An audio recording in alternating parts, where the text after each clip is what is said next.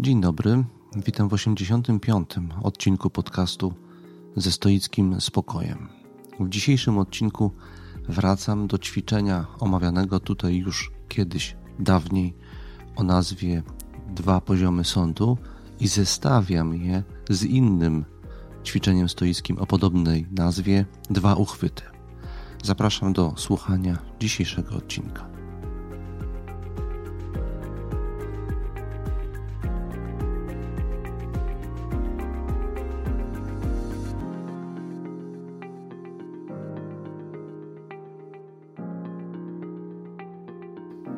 To pierwszy odcinek podcastu w nowym 2023 roku. Dlatego powinienem zacząć go od życzeń. Dziękuję, że zaczynacie ten rok ze mną, kolejny rok z podcastem ze stoickim spokojem. I z tej okazji chciałem Wam życzyć oczywiście spokoju. W szczególności chciałem Wam życzyć poszerzania zakresu wpływu na własny spokój. I w związku z tym chciałem wyjaśnić, co mam na myśli przez spokój. Wydaje mi się, że są co najmniej trzy rodzaje spokoju. Zazwyczaj, kiedy mówimy o stoicyzmie i o spokoju, który dzięki stoicyzmowi można uzyskać, nie doprecyzowujemy, co to znaczy ten spokój. W szczególności nie wyróżniamy różnych rodzajów spokoju, podczas gdy może być wiele takich typów spokoju, których na co dzień doświadczamy. Wydaje mi się, że po pierwsze, najbardziej powszechnym rodzajem spokoju jest to ten spokój, o którym mówi Schopenhauer. Spokój od pragnień, kiedy żadne z naszych pojawiających się w naszym życiu regularnie pragnień chwilowo nam nie doskwiera bo chwilowo wszystkie ważniejsze cele i aspiracje mamy jakoś zaspokojone albo bezpieczne, wtedy doświadczamy spokoju.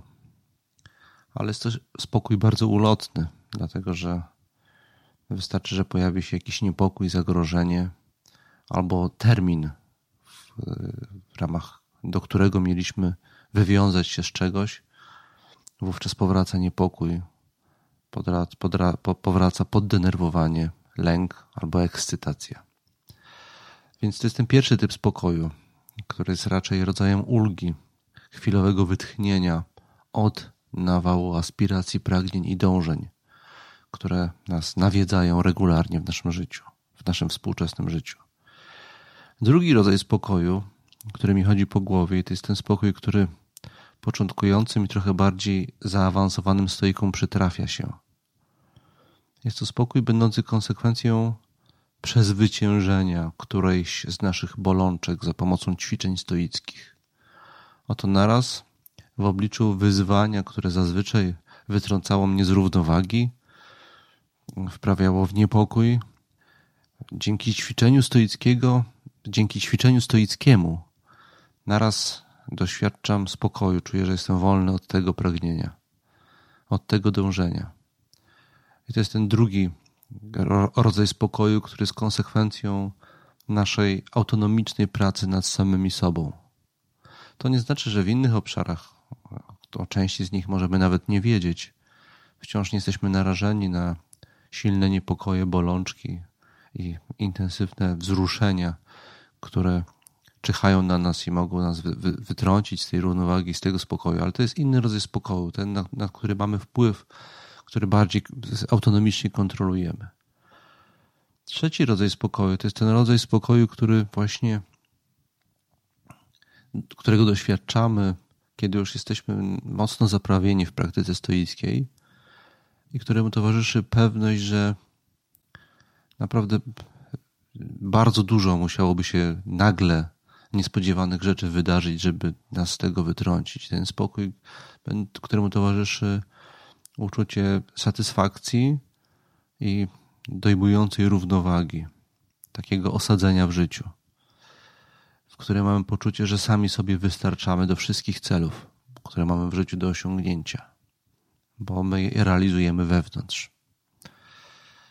E, I to jest ten spokój, który spływa na nas nagle i który tylko w bardzo jakimś umownym tego słowa znaczeniu możemy nazwać spokojem, albowiem temu spokojowi towarzyszy, takie jest moje doświadczenie, bo zdarza mi się go doświadczać, towarzyszy bardzo duża intensywność. E, taka intensywność e, emocjonalna, powiedziałbym. Taka głębia zanurzenia w egzystencji. Głębia, której towarzyszy satysfakcja i pewnego rodzaju stałe poruszenie, poruszenie ducha. Dlatego, tak jak powiedziałem, jakieś inne słowo chyba byłoby bardziej adekwatne niż spokój. Powiedzmy, że mógłbym użyć słowa intensywna pogoda ducha. Chyba to, to słowo by tutaj pasowało. Może jeszcze jakieś inne mi przyjdzie do głowy w trakcie nagrywania, albo przy, przy kolejnych odcinkach to go użyję. Ale tak, takiego spokoju, przybliżania się do tego trzeciego typu spokoju chciałbym Wam w tym roku życzyć. Jest to możliwe. W pewnym momencie uświadamiamy sobie, że nie musimy gonić za tymi wszystkimi rzeczami, za którymi zazwyczaj gonimy. Nie musimy się bać tych wszystkich rzeczy, których się zazwyczaj boimy bo wszystko to, co ważne, jest już tu i teraz w nas. Musimy tylko to uchwycić mocno i trzymać się tego. I z tego płynie radosny spokój, głęboka radość bycia tu i teraz. I tak jak powiedziałem, tego uchwytu, tego przybliżenia do tego się, tego Wam życzę w tym roku. A być może jest możliwość przybliżenia się do tego dzięki dwóm ćwiczeniom, które chcę dzisiaj omówić.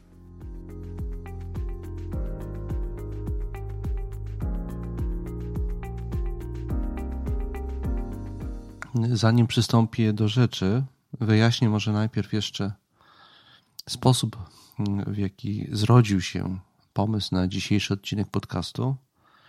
On się zrodził podczas ostatnich warsztatów stoickich dla praktykujących stoiczek i stoików, warsztatów, które miałem y, nad morzem w kątach rybackich na początku stycznia.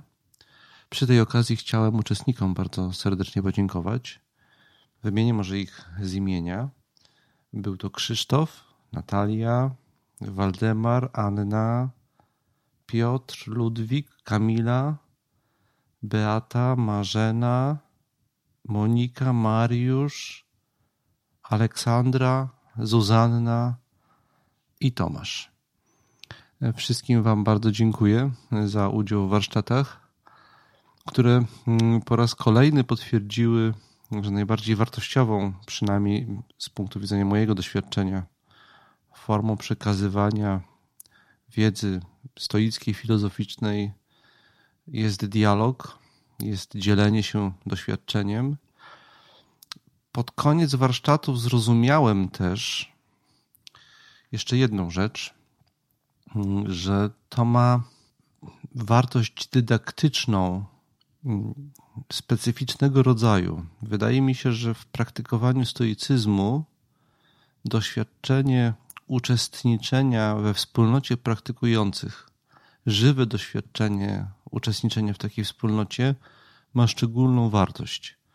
Aleksander McIntyre w książce Dziedzictwo cnoty, książce sprzed kilkudziesięciu lat, niezwykle głośnej i często dyskutowanej w kręgach filozoficznych, inspirując się Arystotelesem, zwrócił uwagę na to, że normy etyczne powstają w kontekście praktyk.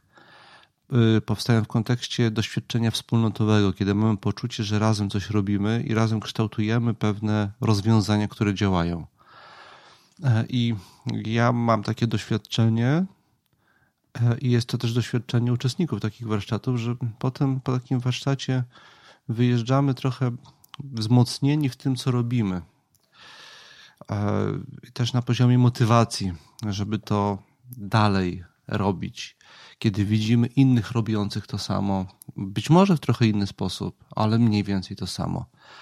No więc podczas tych ostatnich warsztatów, y, podczas jednej z sesji, y, okazało się, że część uczestników ma problem z odróżnieniem ćwiczenia dwa poziomy sądu i ćwiczenia dwa uchwyty. Zwrócili też uwagę na to, że w odcinku podcastu, który poświęciłem dwóm poziomom, dwóm poziomom sądu, nie jest wyraźnie powiedziane, na czym polega drugi poziom. Jest dużo na temat pierwszego poziomu i ciężko na podstawie słuchania tego odcinka niektórym było dobrze zrozumieć różnicę, jaka zachodzi między tymi dwoma poziomami. W szczególności dociekliwe pytania zadawała mi Monika i obiecałem jej, że dzisiejszy odcinek podcastu jej właśnie zadedykuję, więc Moniko, uczestniczko ostatnich warsztatów stoickich, bardzo serdecznie dedykuję Ci ten odcinek i mm, odpowiedzi, których w jego trakcie udzielę, są w dużej, dużym stopniu odpowiedziami na Twoje pytania. Postaram się, żeby były jak najbardziej praktyczne i użyteczne w codziennej, współczesnej praktyce stoickiej i do udzielenia tych odpowiedzi teraz niniejszym przystępuję.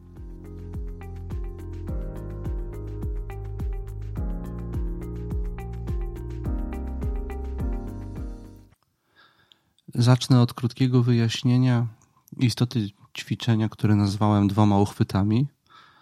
To ćwiczenie wprost opisane jest u Epikteta, kiedy radzi on słuchaczom jego wykładów, jak radzić sobie, jak uporać się z trudnymi emocjami związanymi z relacjami międzyludzkimi, z niektórymi trudnymi relacjami.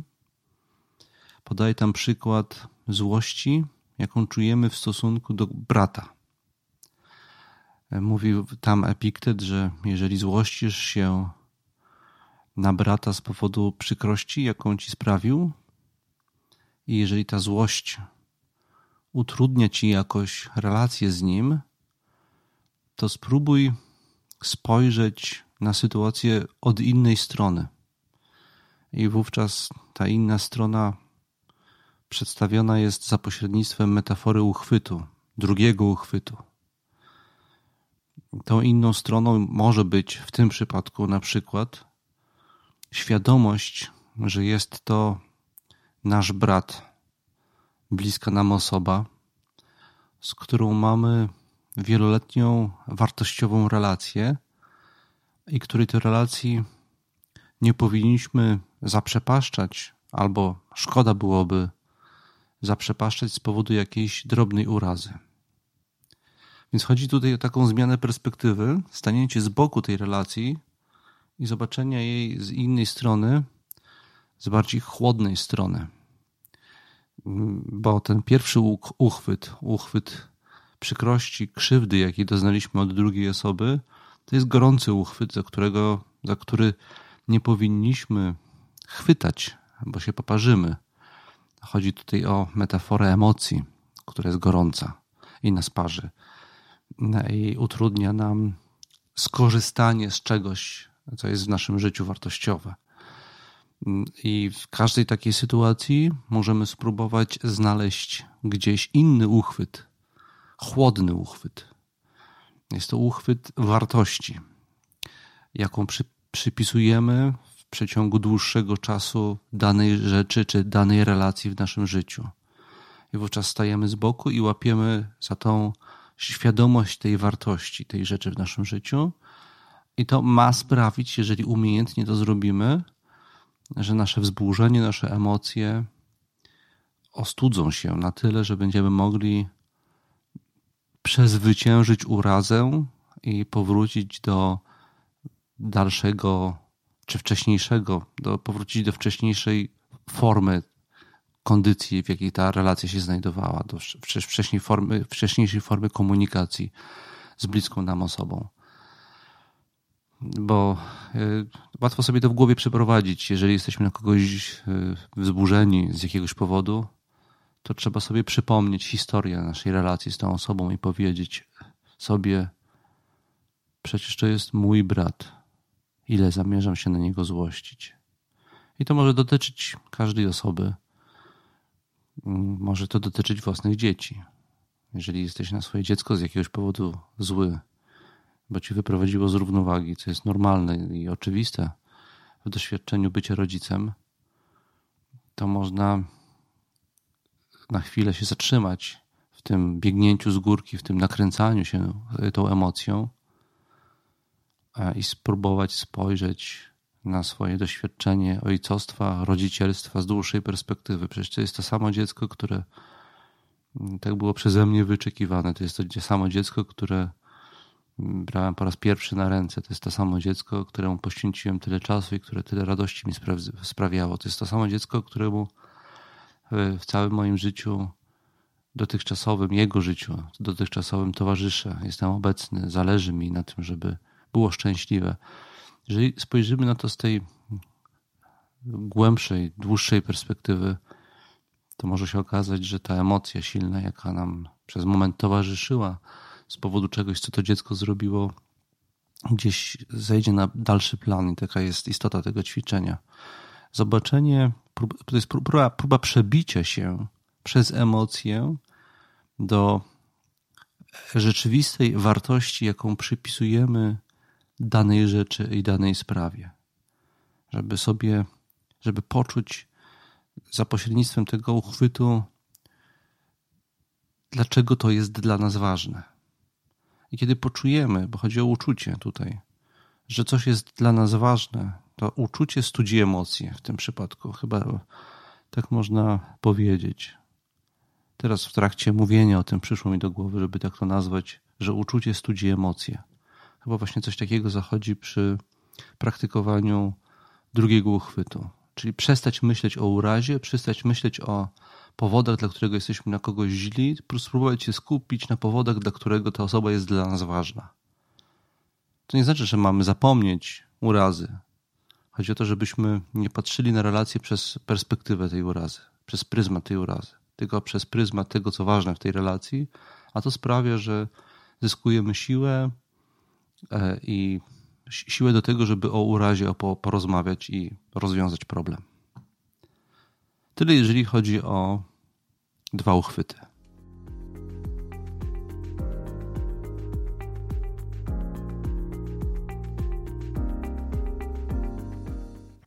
Teraz zatem omówmy dwa poziomy sądu.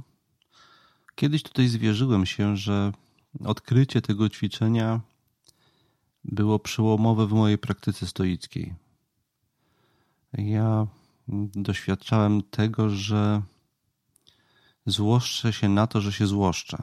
To jest błąd wielu nowicjuszy,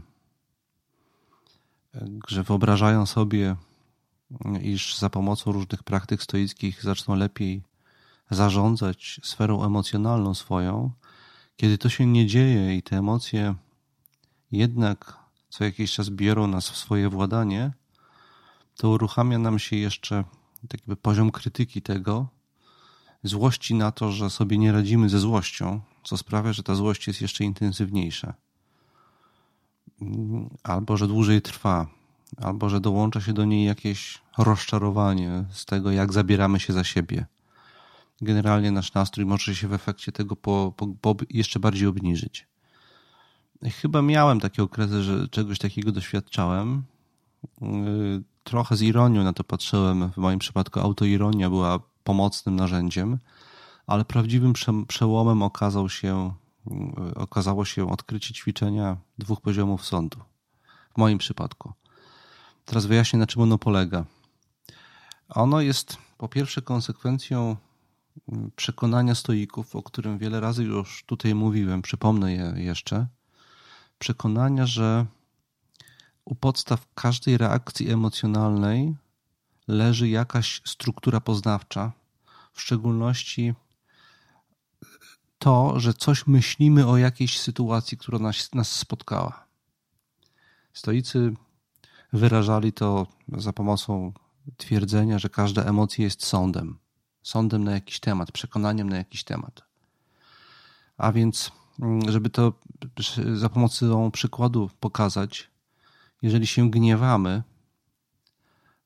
uczucie gniewu, emocja gniewu e, w istocie rzeczy jest konsekwencją albo formą przejawiania się przekonanie o tym, że spotkała nas jakaś konkretna krzywda. Jest to sąd na temat tego, co nas spotkało. Istotą tego sądu jest przyporządkowanie tego, co nas spotkało, do kategorii rzeczy złych. I to przyporządkowanie uruchamia cały szereg procesów, w tym przypadku emocji gniewu, między innymi.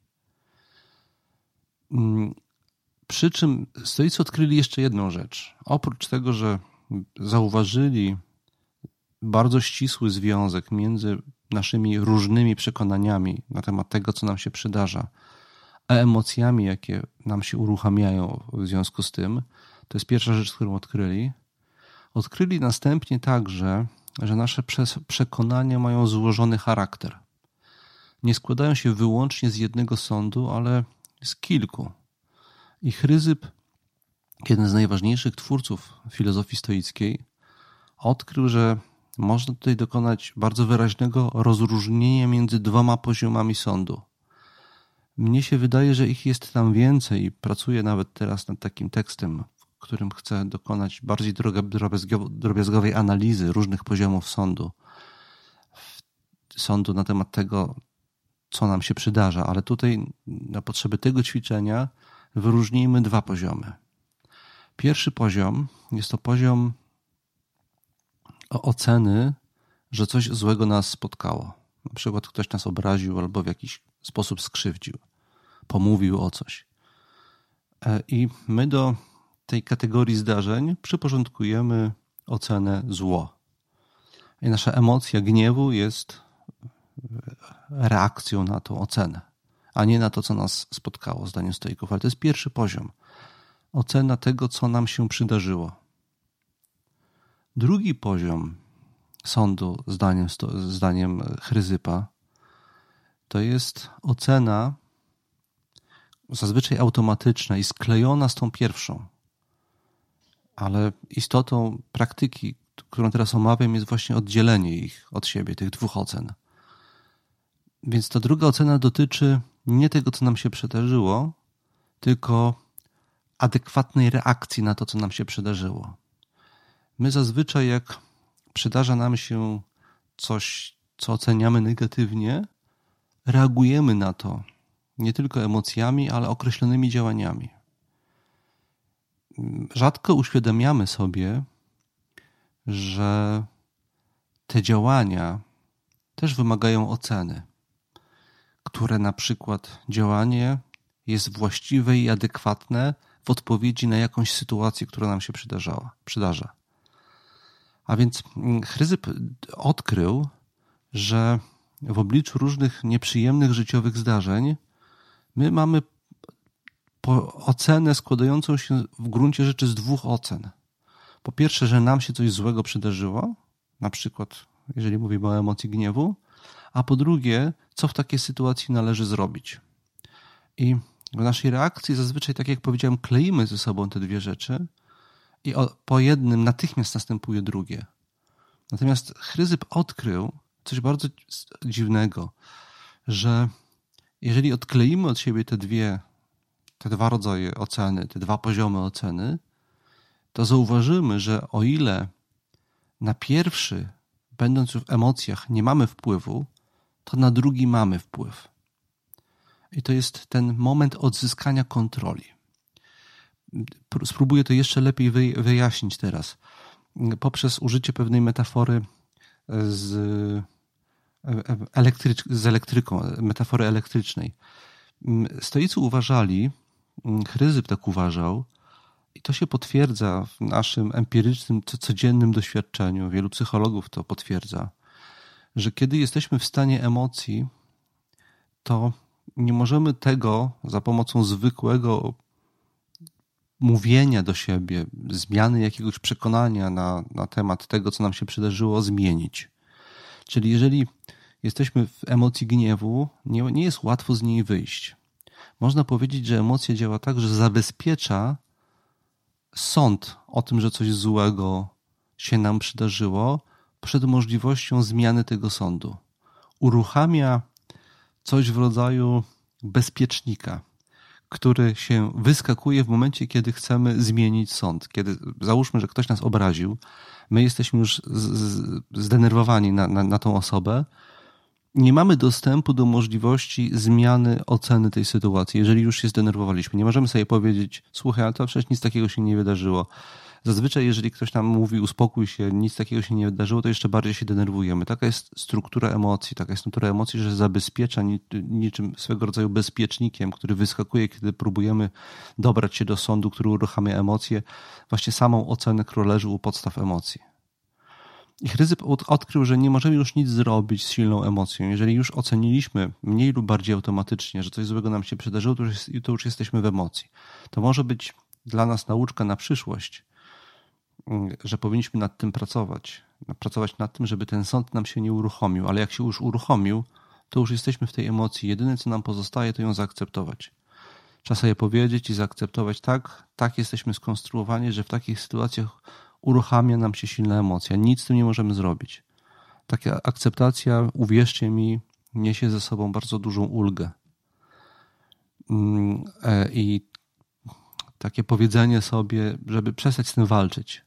Bo jak z tym walczysz, to właśnie ten bezpiecznik wyskakuje i jesteś w takim błędnym kole. Włączasz go i wyłączasz, włączasz i włączasz, ale do emocji, do tego, co ją uruchamia, nie masz dostępu, bo ona jest zabezpieczona. Natomiast Chryzyp odkrył mm, tak jak powiedziałem, że mamy jeszcze ten drugi poziom. Już wprawdzie oceniliśmy, że coś nam ktoś zrobił złego i z tego powodu mamy emocję silną, która ma nas jakoś w swoim władaniu. Natomiast cały czas mamy wpływ na to, jaki sposób reakcji na tę emocję jest właściwy, jak ocenimy właściwy sposób reakcji na tę emocję. Nie musimy reagować automatycznie i spontanicznie.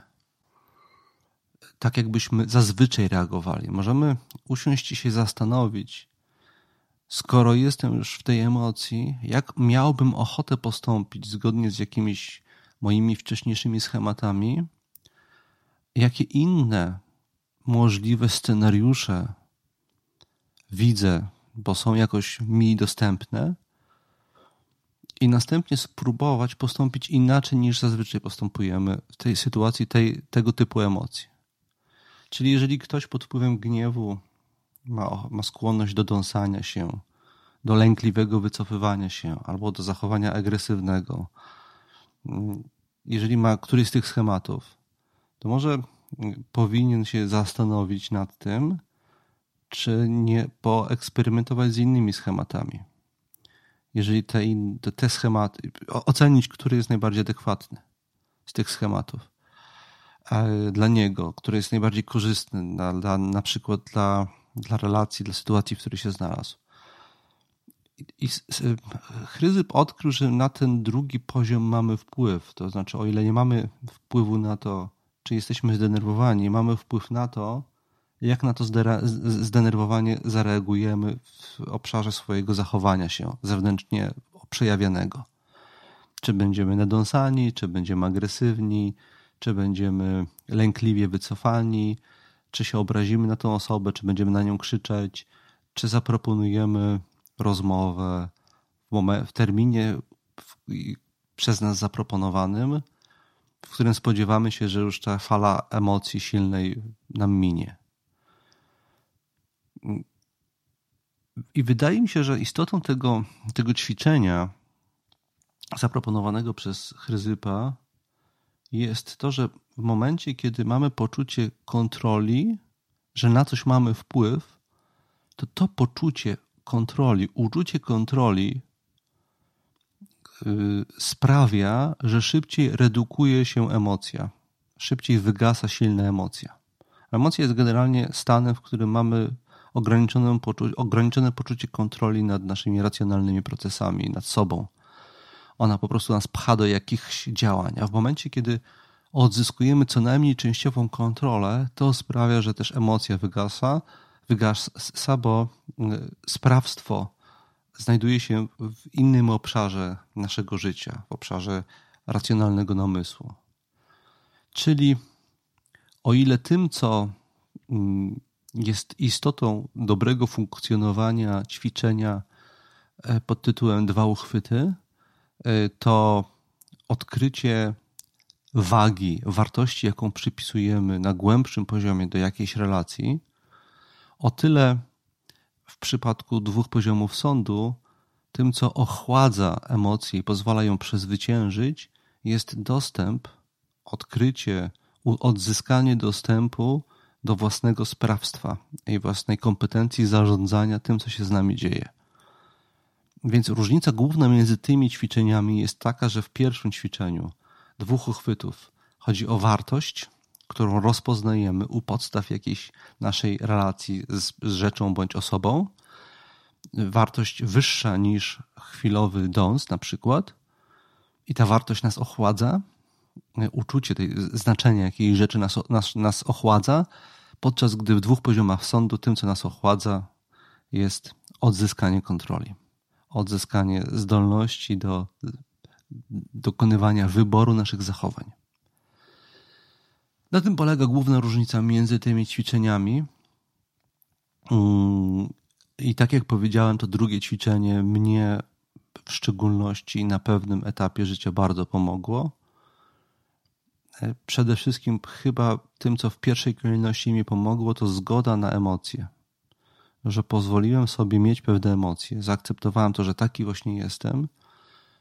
I ta akceptacja też jakoś udzieliła mi pewnego rodzaju siły, a następnie odkrycie, uświadomienie sobie, że pomimo tej emocji mam cały czas spory zakres wpływu na moje reakcje, na moje zachowania, czyli zachowuję znaczący obszar wolności. I dostęp do tej wolności w połączeniu z akceptacją emocji sprawiał, że szybciej odzyskiwałem kontrolę, lepiej się ze sobą czułem i nie eskalowałem poczucia zagubienia e, i niezadowolenia ze swojego życia.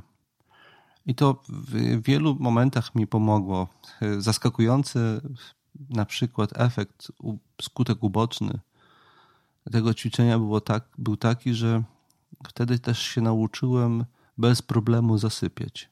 Kiedy kładziemy się do łóżka spać wieczorem pod wpływem silnych emocji, które gdzieś tam się w ciągu dnia nagromadziły, różne silne uczucia mogą się pojawić. Rozczarowanie, że coś się nie udało, uczucie porażki z jakiegoś powodu, e, złość na kogoś w pracy i to wszystko jakoś gdzieś nas buzuje i nakręca, bo emocje działają tak, że cały czas szukają rozwiązania jakiejś, jakiejś problemowej sytuacji, czyli e, szukają po omacku wyjścia z zła, którego wedle naszej oceny doświadczamy. Mm, I w momencie, kiedy się kładłem do łóżka w takim stanie i mówiłem sobie do siebie, że trzeba to zaakceptować, i kiedy faktycznie udawało mi się zaakceptować ten stan, a następnie zastanawiałem się, że skoro już mam te emocje, to co jutro mogę z nimi zrobić, to, y, to, to uczucie odzyskania kontroli, sprawstwa sprawiał, że się uspokajałem i zasypiałem bez żadnych problemów. I y, to polecam wszystkim poeksperymentowanie z tym. Mnie się dość szybko to udało. Od wielu lat nie mam żadnych problemów z zasypianiem.